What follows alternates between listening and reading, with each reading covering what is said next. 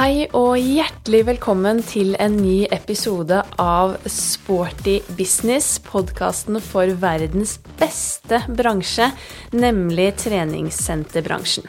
Jeg heter Eva Katrine Thomsen og driver Inspartum Akademi, og har et genuint engasjement for vår fantastiske bransje, treningsbransjen. Det er utrolig hyggelig med all god respons på podkasten etter lansering setter stor pris på alle gode tilbakemeldinger, og at det er så stort engasjement rundt en sånn podkast. Jeg håper virkelig at denne podkasten kan bidra til å knytte bransjen vår enda tettere, knytte sterkere bånd, og ikke minst da kunne bidra til å utveksle erfaringer, lære av hverandre, og ikke minst inspirere hverandre, sånn at vi alle kan bli enda bedre. Jeg gleder meg utrolig mye til veien videre med denne podkasten og ønsker at dere som lytter på, skal få lov til å være aktivt med å påvirke innholdet i podkasten. Så når som helst når du kommer på en god idé til et tema eller en gjest du gjerne skulle hørt her i Sporty business, så blir jeg superglad om du har lyst til å sende meg en melding på Instagram at sportybusinesspodkast, eller om du vil sende oss en mail til hei at sppod.no så setter jeg utrolig stor pris på det. Vi som jobber i denne flotte bransjen, vi har jo og er inne i en veldig spesiell tid av den ekstraordinære situasjonen og covid-19. Siden 12. mars så har jo Norge vært stengt ned, og treningssenterbransjen har jo vært stengt ned, og alle sentrene som vi er så glad i, har ikke kunnet få holde dørene åpne. Om lag 20 000 ansatte i bransjen er også permittert, og mange har også kanskje mistet jobben sin eller står fullstendig uten inntekt som selvstendig næringsdrivende, og det er utrolig leit og utrolig utfordrende for den det gjelder. Jeg som eh, selvstendig næringsdrivende selv har jo opplevd hvordan hverdagen plutselig ble snudd på hodet, og har kjent på både usikkerhet, nedstemthet, frustrasjon omkring denne tiden, med tanke på alt av jobb som har blitt avlyst eller satt på vent på ubestemt tid.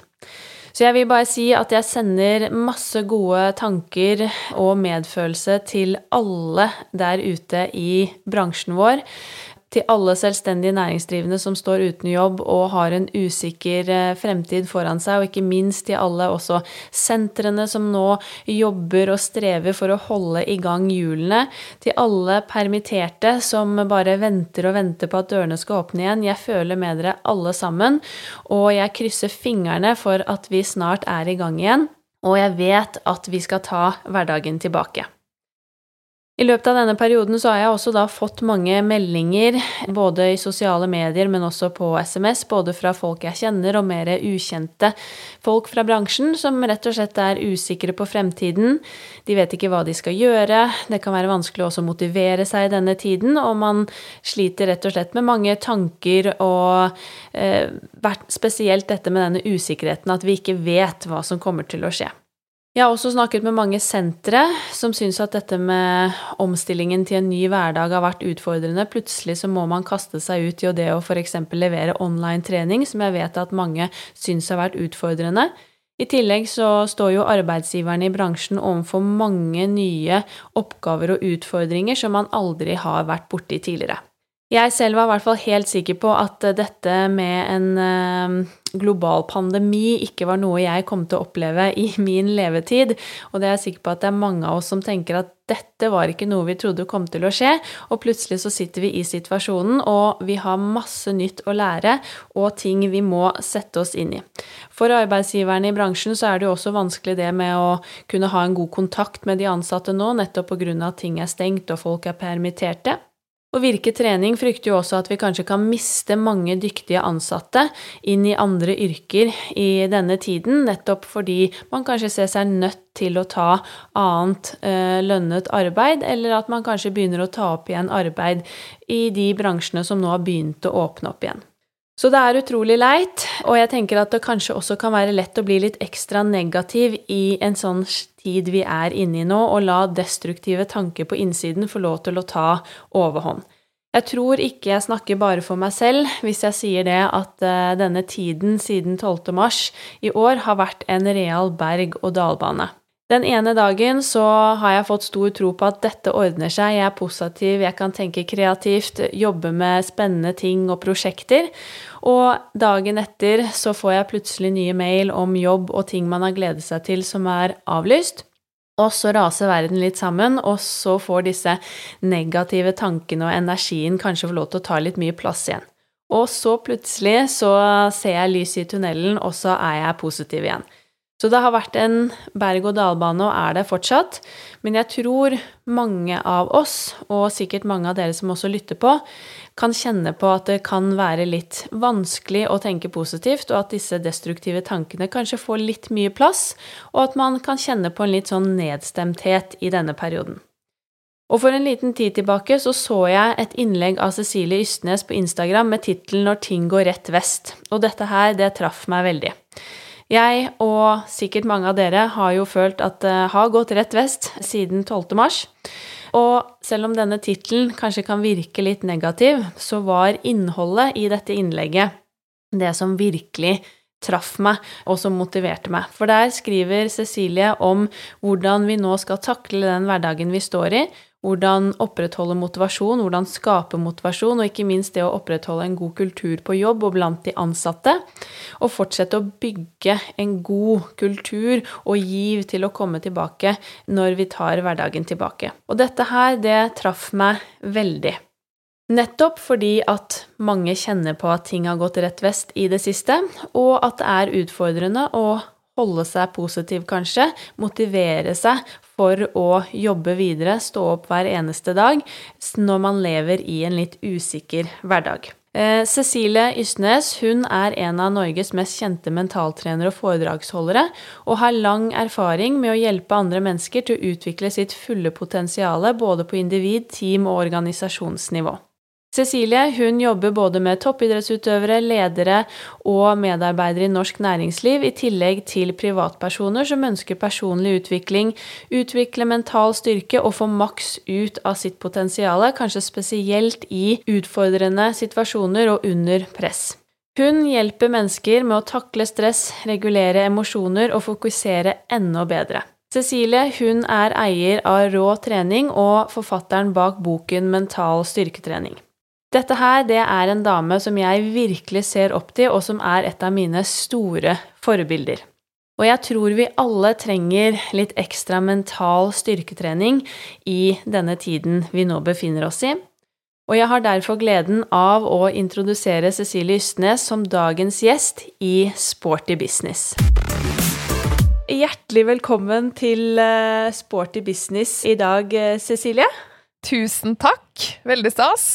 Veldig, veldig hyggelig å få lov til å skravle med deg. Jeg sa akkurat uh, i introen at du er en dame jeg virkelig ser opp til, og et stort forbilde, så det er veldig hyggelig at du har lyst til å bidra i uh, denne podkasten som en av de første. Det var veldig hyggelig sagt, da. Takk. jo, det er, det er vel fortjent. Så jeg tenker eh, Jeg har jo fulgt deg i mange år. Du har jo vært eh, idol for meg når jeg gikk på idrettshøyskolen og studerte idrettspsykologi og coaching annet også.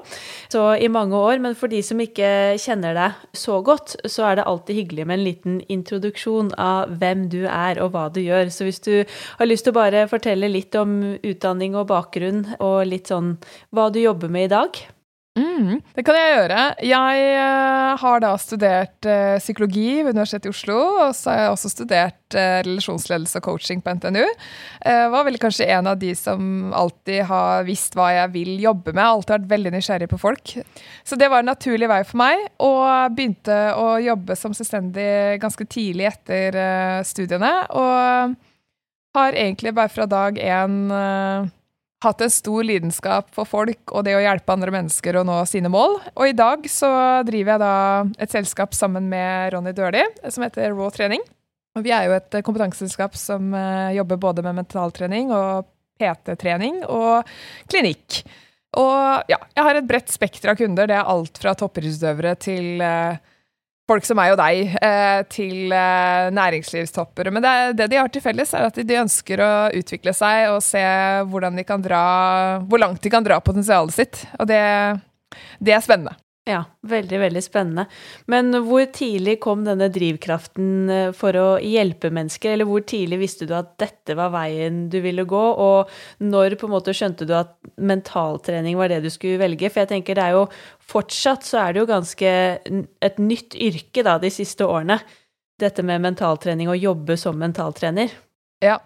Eh, Sannsynligvis er det jo også selvfølgelig inspirert av familien og miljøet jeg har vokst opp i, hvor faren min spesielt da ja, drev med fotball i Kongsvinger. Sånn at eh, når det blir mye prat rundt det mentale eh, opp mot fysisk trening f.eks., så var det helt klart noe som trigga meg. Jeg har aldri vært spesielt god heller i typiske realfag, ikke sant. Sånn at eh, eh og har fått da hjemmefra en drive og push på å dyrke det du er god på, det du syns du Ja, det som er interessant. Og det er jeg veldig glad for.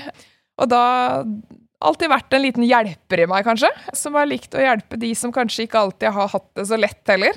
Så, så psykologi eh, falt meg veldig naturlig. Men, men, så er jeg utålmodig sjel, og det det å jobbe da med terapi, som ofte kanskje er litt sånn lengre prosesser, det fant jeg ut at det, det fungerer ikke for meg. Så jeg, jeg, er litt av den utålmodige sjelen som liker å se resultater og liker å ha effektive prosesser på det meste jeg gjør. Så, så det å jobbe med utvikling eh, og mer organisasjonspsykologi, idrettspsykologi osv., det, det appellerer mye mer til eh, personligheten min, da. Eh, og har har gudskjelov kunnet blitt eh, levebrød. Det var jo målet veldig tidlig. Mm. Mm. Jeg kan eh, kjenne meg igjen i veldig, veldig, mye av det. Og så må jeg skyte inn at det er veldig hyggelig at du er fra Kongsvinger, for det er jo jeg òg. Så vi er jo to Kongsvinger-jenter. Det så. er veldig moro. veldig, veldig hyggelig. Men uh, en uh, hverdags- og mentaltrener da, og i rå performance og rå trening som du driver sammen med Ronny Dørli, hvordan ser en vanlig hverdag ut for deg? Eller en vanlig uke? Ja, den er variert. Noe jeg elsker. Jeg elsker frihet. Så jeg sier jo til alle gründerspirer der ute, det er kjør. Det er fantastisk hvis man elsker frihet. Og det å beslutte å bestemme ting selv. Det må jeg ærlig innrømme. Uh, så nei, den, den, er veldig varierende. Og jeg varierer også litt etter hva jeg kjenner motiverer meg og driver meg og, og gjør at jeg holder et bra fokus. Så uh, jeg har veldig mange én-til-én-samtaler. Det derre å få være med inn i huet til folk, det, det, ser jeg på som en sånn stor tillit, og det er, det er, så fantastisk inspirerende og interessant. Så det gjør jeg mye av, og, og hjelper folk én til én. Og så har jeg foredrag, masse workshops. Kan også være med ute blant folk og um, observere. Og se på handlinger og atferd, for så å spare på hvordan man kan utvikle seg. Og så kjører jeg jo online-kurs og skriver bøker. Eh, så jeg liker å formidle mentaltrening i mange ulike former, da. Hvor alt skal lede til det å, å, å hjelpe folk til å få en verdifull endring, da. Og så er, jo, er jeg jo gründer og, og, eier av Raw også, så det er klart at det, i det også så, så, ligger det jo veldig mye i entreprenørskap og hele tiden se på hvordan vi som selskap kan vokse og, og utvikle seg. Så det er egentlig liksom 200 %-stillinger som, som uh, man skal strukturere. Ja. Ja, det høres sånn ut, men uh, veldig spennende. Grunnen til at jeg også endte opp på idrettshøyskolen og valgte idrettspsykologi og coachinglinjen, var jo nettopp fordi at jeg syns det er så utrolig interessant og spennende å tenke på ikke bare hvordan vi kan trene den fysiske kroppen, men uh, nettopp uh, topplokket og det som sitter på toppen, og hvor utrolig stor påvirkning det har på resten av systemet vårt. Og det er jo mye av det vi skal snakke om videre i dag, egentlig. Men sånn generelt med jobben din, som er veldig variert, du får møte masse masse mennesker, får hjelpe mange. Klarer du å pinpointe liksom én ting eller noe hvis du skulle oppsummert, hva er det aller beste med jobben din?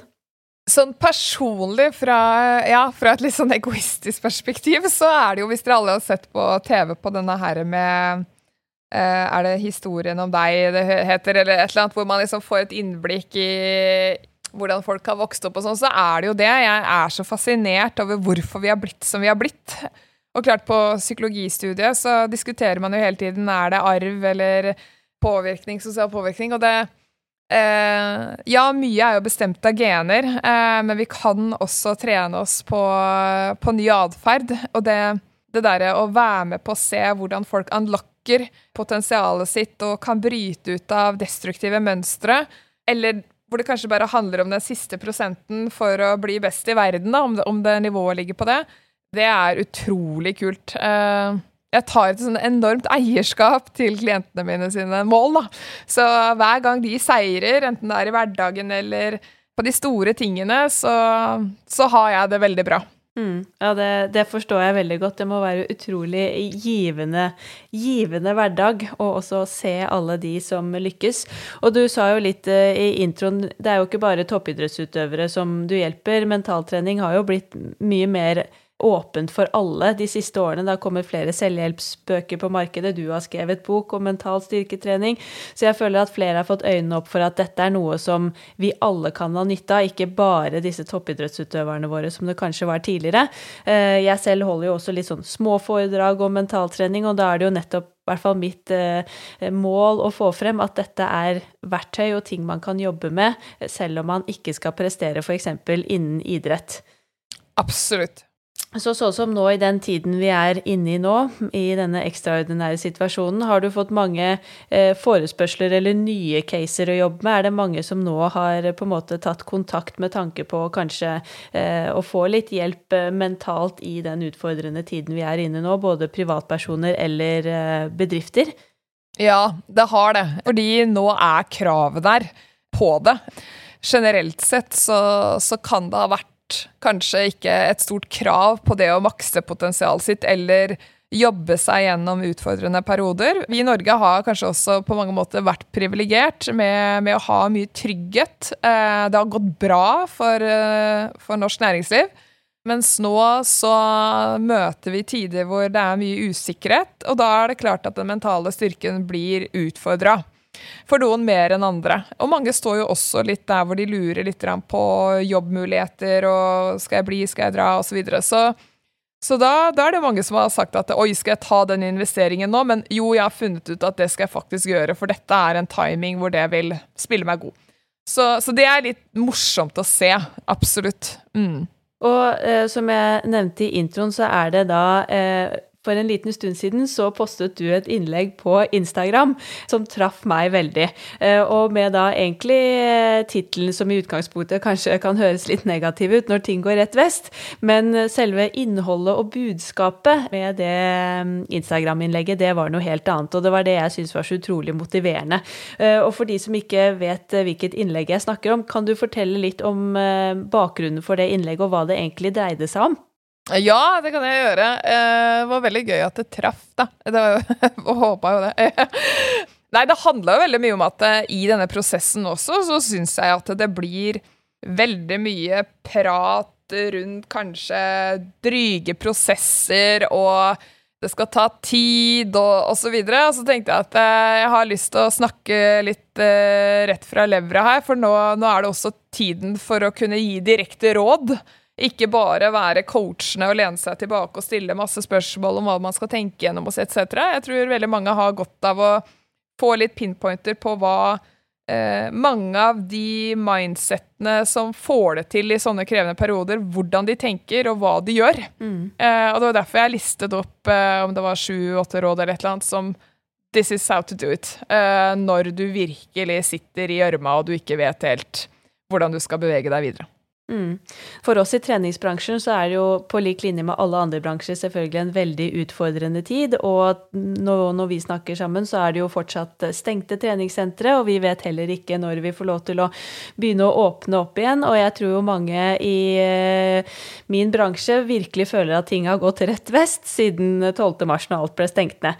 Og det er jo veldig mange som uttrykker selvfølgelig mye frustrasjon og liksom litt nedstemthet og mye usikkerhet knyttet til hva hva som skjer fremover. Og jeg tror jo mange eh, i min bransje og mange jeg har snakket med, nettopp kanskje lar liksom negative tanker og destruktive tanker også få lov til å ta litt mye plass nå, fordi man kanskje sliter med å se lyset i tunnelen, eller liksom motivere seg selv for hvordan man skal komme seg videre og gjennom eh, denne utfordrende situasjonen vi befinner oss i nå. Mm. Så i forhold til ledelse ved treningssentrene, og mange av de sliter jo også nå for de har ikke kontakt med de ansatte, de er permittert, ting er stengt ned. Så har jeg også snakket med en del sentre som syns at det er utfordrende. De har ikke kontakt med de ansatte, og de sliter også med å kanskje føle at de klarer å holde på det gode samholdet, den gode kulturen. Har du noen tips til hvordan senterledelse, arbeidsgivere, skal forholde seg i denne situasjonen nå for å fortsette å bygge den gode kulturen? Mm, eh, ja. Og så vet jeg også at mange er veldig flinke på det de, i de tidene her. Og jeg tenker jo også at lederne på sentrene også må være litt rause med seg selv. For det er klart at nå skal de gjøre veldig mange ting de aldri har gjort før, og veldig mye er utenfor deres kontroll. Så jeg tenker at uh, de må være rause med seg selv på at uh, de, de, vil ikke kunne klare å få ut kall det fulle potensialet i oppfølging som de gjerne skulle sett at de kunne gjort, gitt situasjonen. Og det gjør jo også da at de som rapporterer til disse lederne, også må ha stor raushet til ledelsen. For jeg tenker her, her må vi bare liksom ha et nysgjerrig, åpen mindset og, og, prøve å ikke dømme noen. At her gjør alle så godt de kan ut fra de forutsetningene de har. Når det er sagt, så er det jo, tenker jeg, eh, hyppig kontakt. Eh, ja, vi, vi kan ikke møtes fysisk. Eh, nå kan vi jo møte, gå turer og osv., men, men det er jo ingenting i veien for å ha god kommunikasjon uh, gjennom online-løsninger. Og, og, det er kanskje min, min, uh, den viktigste jobben de gjør nå. Det er hyppig oppfølging på telefon, på Zoom eller Skype eller Times eller hva det er. Og, og det å prøve å gå en tur i marka med litt uh, avstand osv. Det, det er det de bør gjøre nå, og det bør de gjøre mye av. Mm. Og så er det utfordrende når du har kanskje 100, 100 ansatte, men det går an å sette opp eh, teammøter hver fredag og ta en fredagspils, selv om man sitter i hver sin leilighet eh, osv. Men det er veldig viktig, da. Eh, og jeg mener jo også at der bør lederne gjøre det obligatorisk. At alle, mm. alle er med. Ikke alltid gjøre de tingene så valgfritt, fordi da er det veldig fort at man, man faller ut. Så dialog, åpenhet, tørre å snakke om også de vanskelige tingene, få det opp på bordet. Ikke pakk noe under teppet nå, det er ikke tiden for det. Uh, og det er da man først kan løse ting òg. Mm, absolutt. Gode råd. Og det er jo mye kreativitet som kommer frem nettopp i uh, denne situasjonen vi befinner oss i.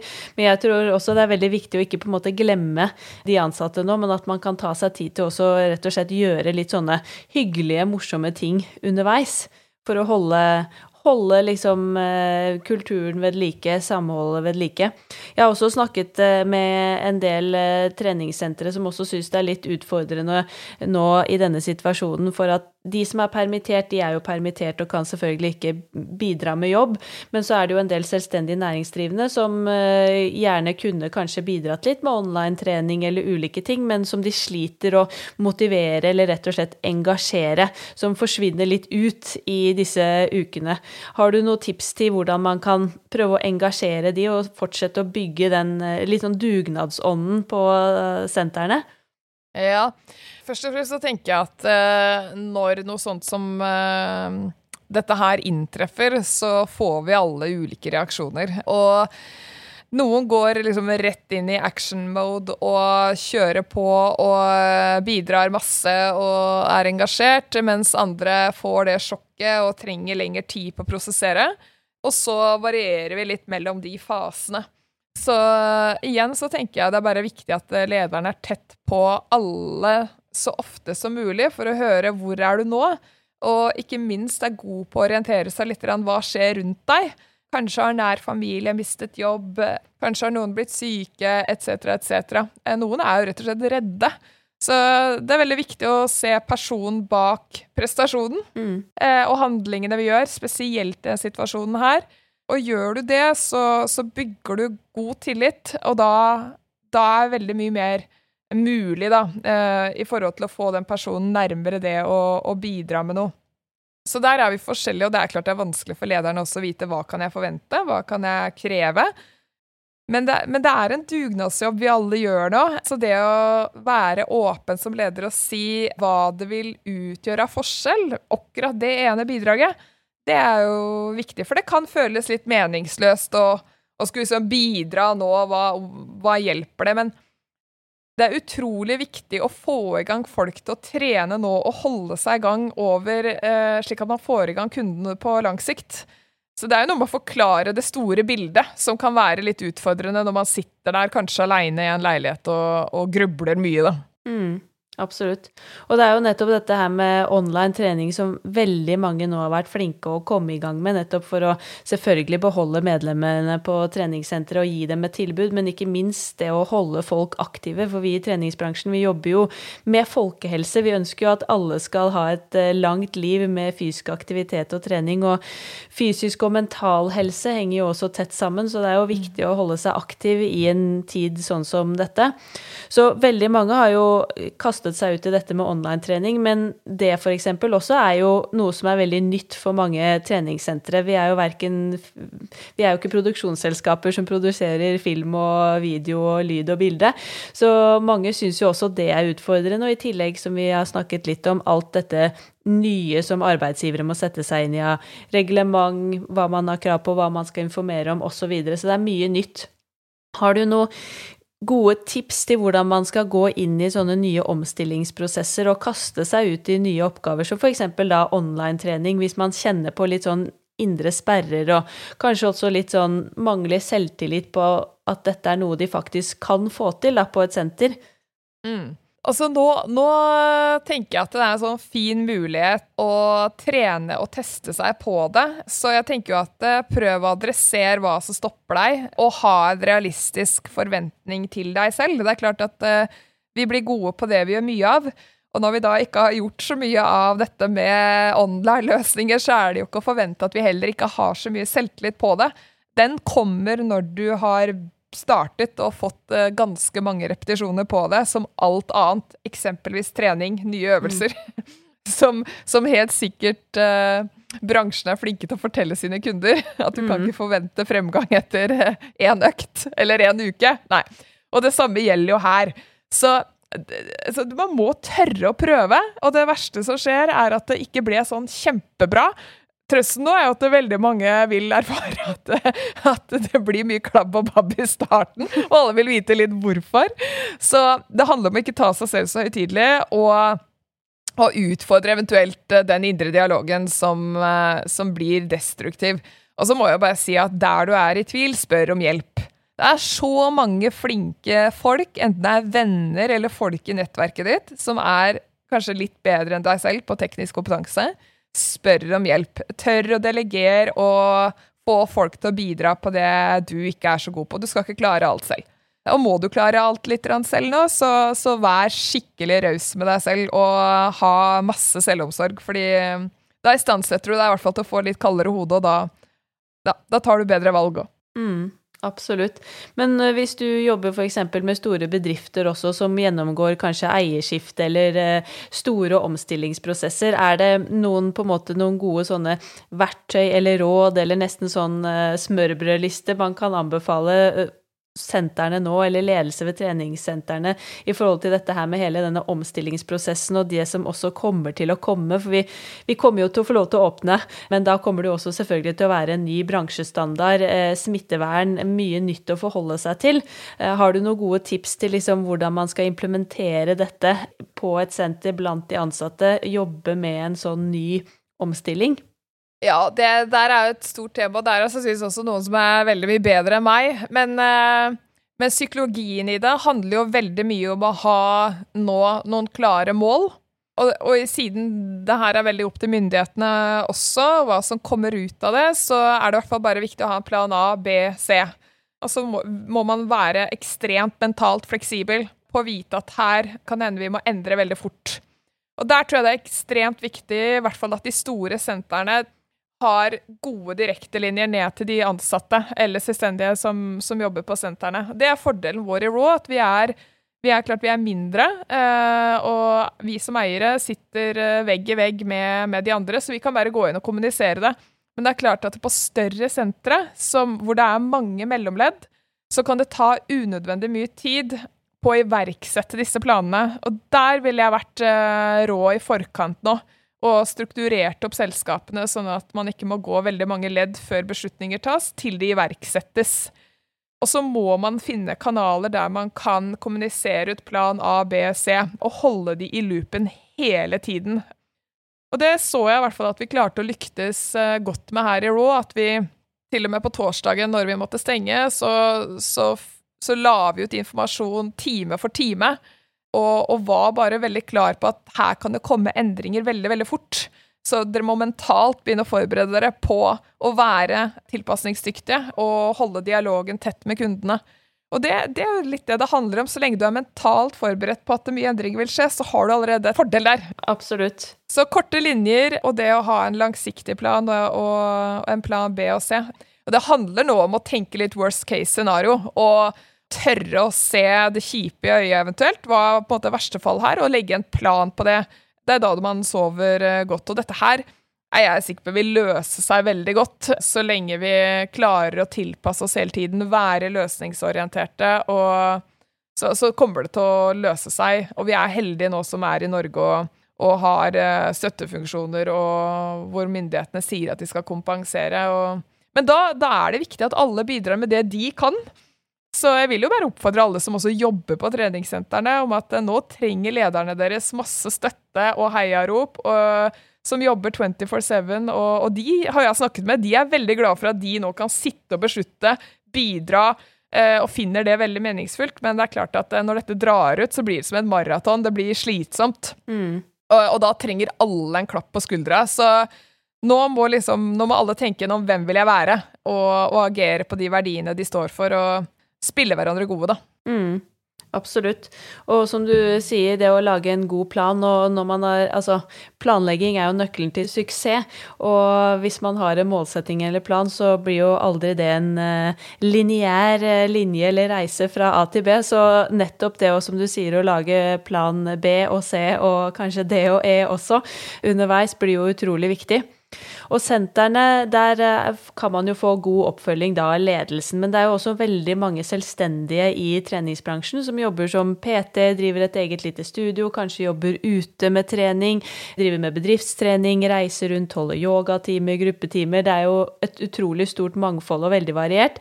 Og jeg har jo selv også fått en del meldinger fra både kjente og mer ukjente i denne perioden hvor det er mange som kjenner på dette med usikkerhet, og at det kanskje blir litt mye negativ tankegang. Eh, har du noen råd og tips for å endre et sånn tankesett for de som er selvstendige nå, som kanskje føler seg litt ekstra alene, og som ikke har senteret og de ansatte eh, rundt seg? Jeg tenker jo en fantastisk at de sender meldinger til deg, da, og at dere prater sammen. For det handler jo veldig mye om nå å få kvittert ut de, de tankene og det man tenker på. Fordi når du driver og kvitterer inn eh, bekymringer, eh, negative følelser, så har det jo den virkningen at de forsterkes.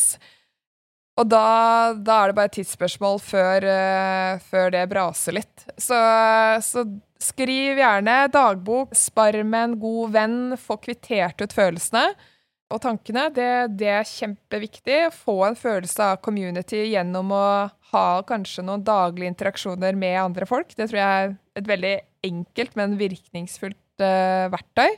Og så ligger det jo veldig mye motivasjon, mening og selvtillit i det å, å sette opp sine egne mål.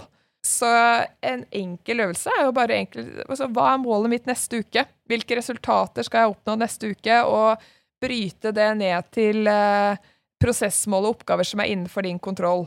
Da vil du kjenne på mye, mye mer mestring, og det er utrolig viktig. Selv om ting står litt stille nå, så kan du bruke perioden til å utvikle deg personlig, finne litt mer ut hva er min treningsfilosofi, hva har jeg lyst til å utvikle meg innen, og ikke minst se være litt pragmatisk i dette her også. At, uh, og det vet jo vi som uh, er, si, driver både er gründere eller selvstendig næringsdrivende, at det, er litt risikoen da, i det vi driver med. Det er jo også de fasene her som vi må på et sett Nå er jeg jo veldig direkte, men må tåle. Eh, vi har veldig mye frihet etc. når ting går bra, og, og, men, men eh, nå blir det litt røffere. Men desto viktigere å være verdibasert og, og, ta kontroll over det vi kan ta kontroll på, og sette oss mål uavhengig. Det tror jeg er kjempeviktig for å få litt styring og retning på, på prosessen. Mm. Men eh, som eh, selvstendig nå, hvis man sliter litt med å ja, se hva skal man gjøre nesten de neste dagene eller ukene, eh, og som du sier, sette målsetting, og det vet man jo også fra idrettsforskningen at det er utrolig viktig for å fremme motivasjonen, rett og slett. Altså motivasjon og målsetting henger jo tett, tett sammen. Så er det jo tenker jeg kanskje mange som syns det er vanskelig å tenke ok, men hva er målet mitt? Eller hvis jeg har et mål egentlig som er ganske ambisiøst og langt fremme med tanke på tid, hvor begynner man? Eh, noen enkle råd rett og slett i forhold til sånn målsettingsarbeid eller målsettingsprosess som man kan gjøre på egen hånd? Litt sånn enkle, konkrete tips. Har du noe du kan dele med oss der? Ja, og fordi vi er jo så forskjellige der. Noen er, finner jo veldig mye mening og motivasjon i å egentlig bare ta én dag om gangen. Hva er målet mitt i dag, og hva kan jeg gjøre for å komme meg nærmere det? Mens andre finner veldig mye motivasjon og mening i de langsiktige drømmemålene. Jeg husker i hvert fall under finanskrisen da, hvor jeg gikk ut som selvstendig næringsdrivende ut fra fast jobb. Så husker jeg satt på et sånt skjær uh, ute i Bærum, og så skrev jeg ned drømmemålet mitt, og det var jo å jobbe og leve av, uh, av mentaltrening eh, ti år fram i tid. Og, og, da liksom rett og slett hva, hva, Hvor starter jeg da nå i finanskrisen med det?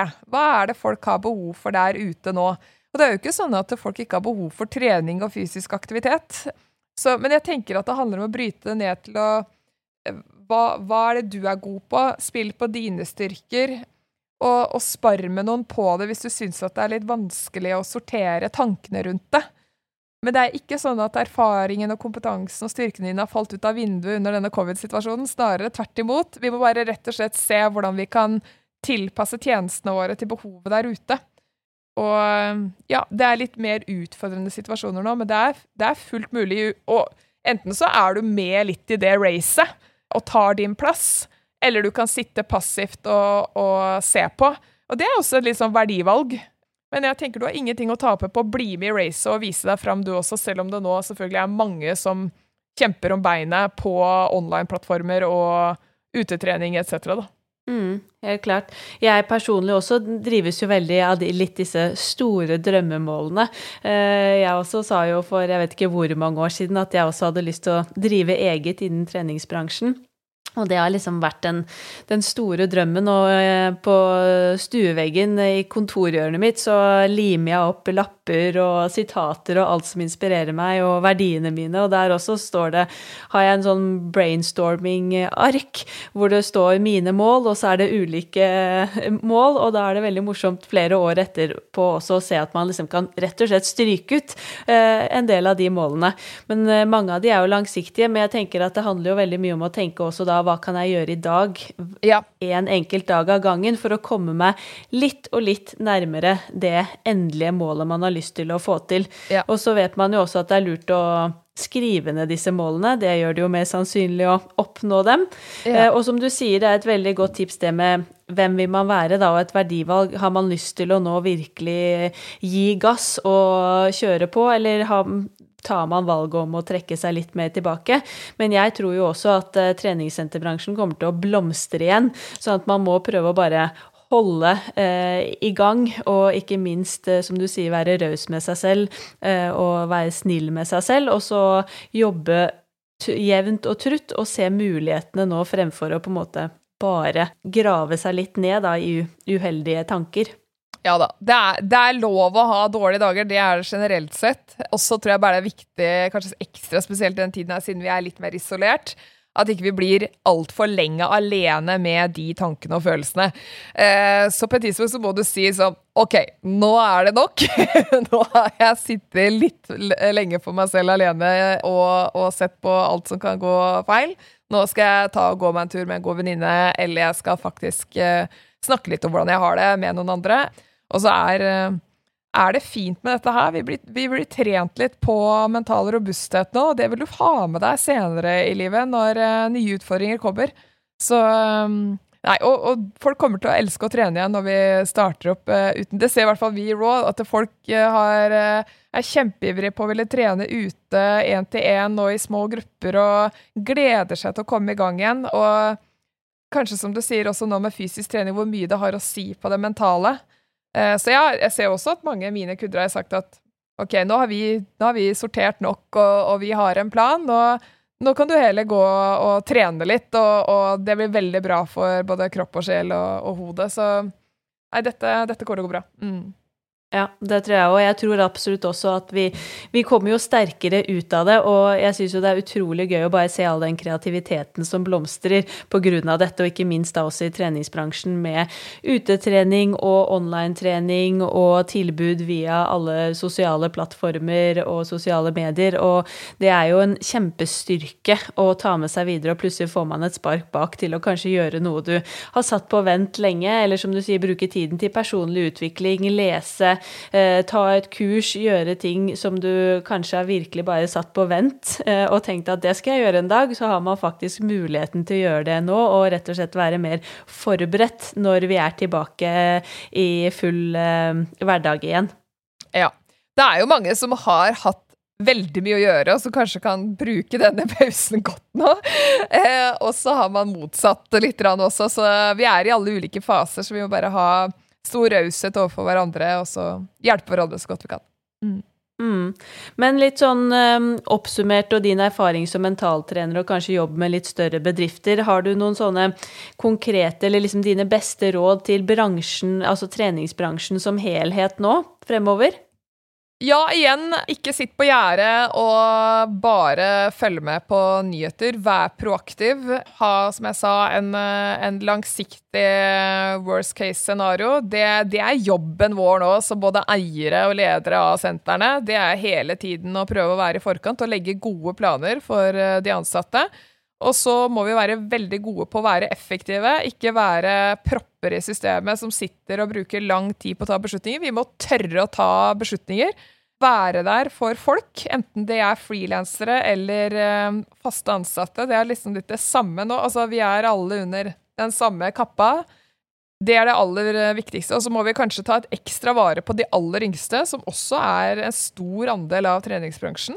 De er nye i arbeidslivet. Dette er veldig nytt.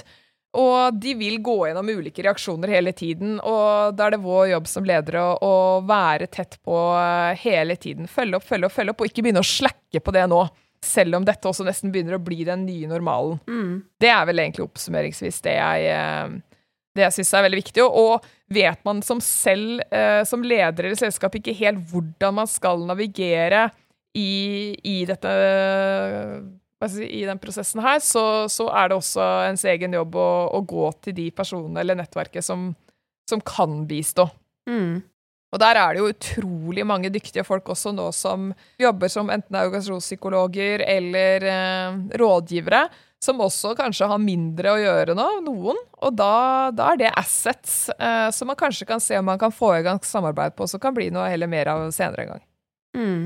Helt klart. Den dagen vi får lov til å åpne dørene, eh, og selv om det kommer til å være restriksjoner og en ny hverdag, så kommer vi jo i gang igjen, og sentrene kommer til å ta imot mennesker. Men det kommer til å være en litt sånn annerledes eh, hverdag på treningssentrene rundt om eh, i bransjen.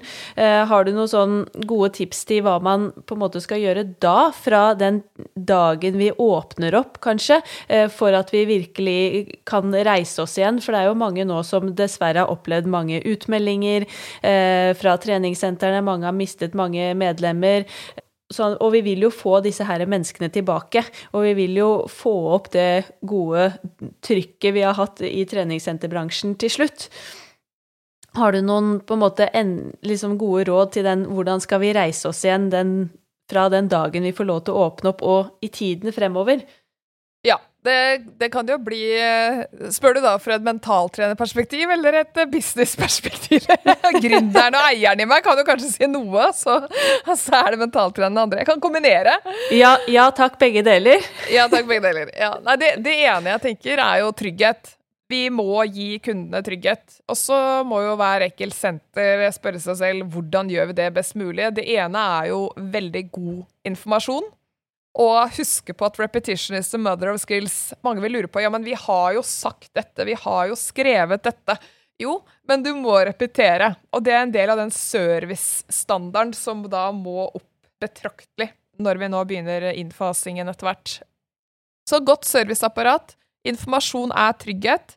Og så er det jo helt avgjørende at alle i bransjen følger de retningslinjene som blir gitt, sånn at det, det oppleves trygt også.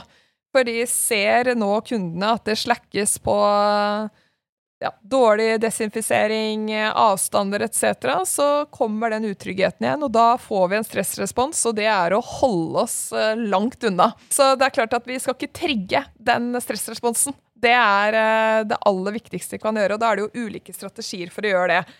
Og så er det den der mentale fleksibiliteten som er eh, er veldig viktig, både i forhold til det å finne kanskje nye betalingsløsninger, andre former for å levere fortsatt tjenestene våre. Sånn at vi kan kanskje ikke forvente at vi kan kreve det samme som vi har gjort før. Vi må, vi må se an hva markedet er villig til å gi.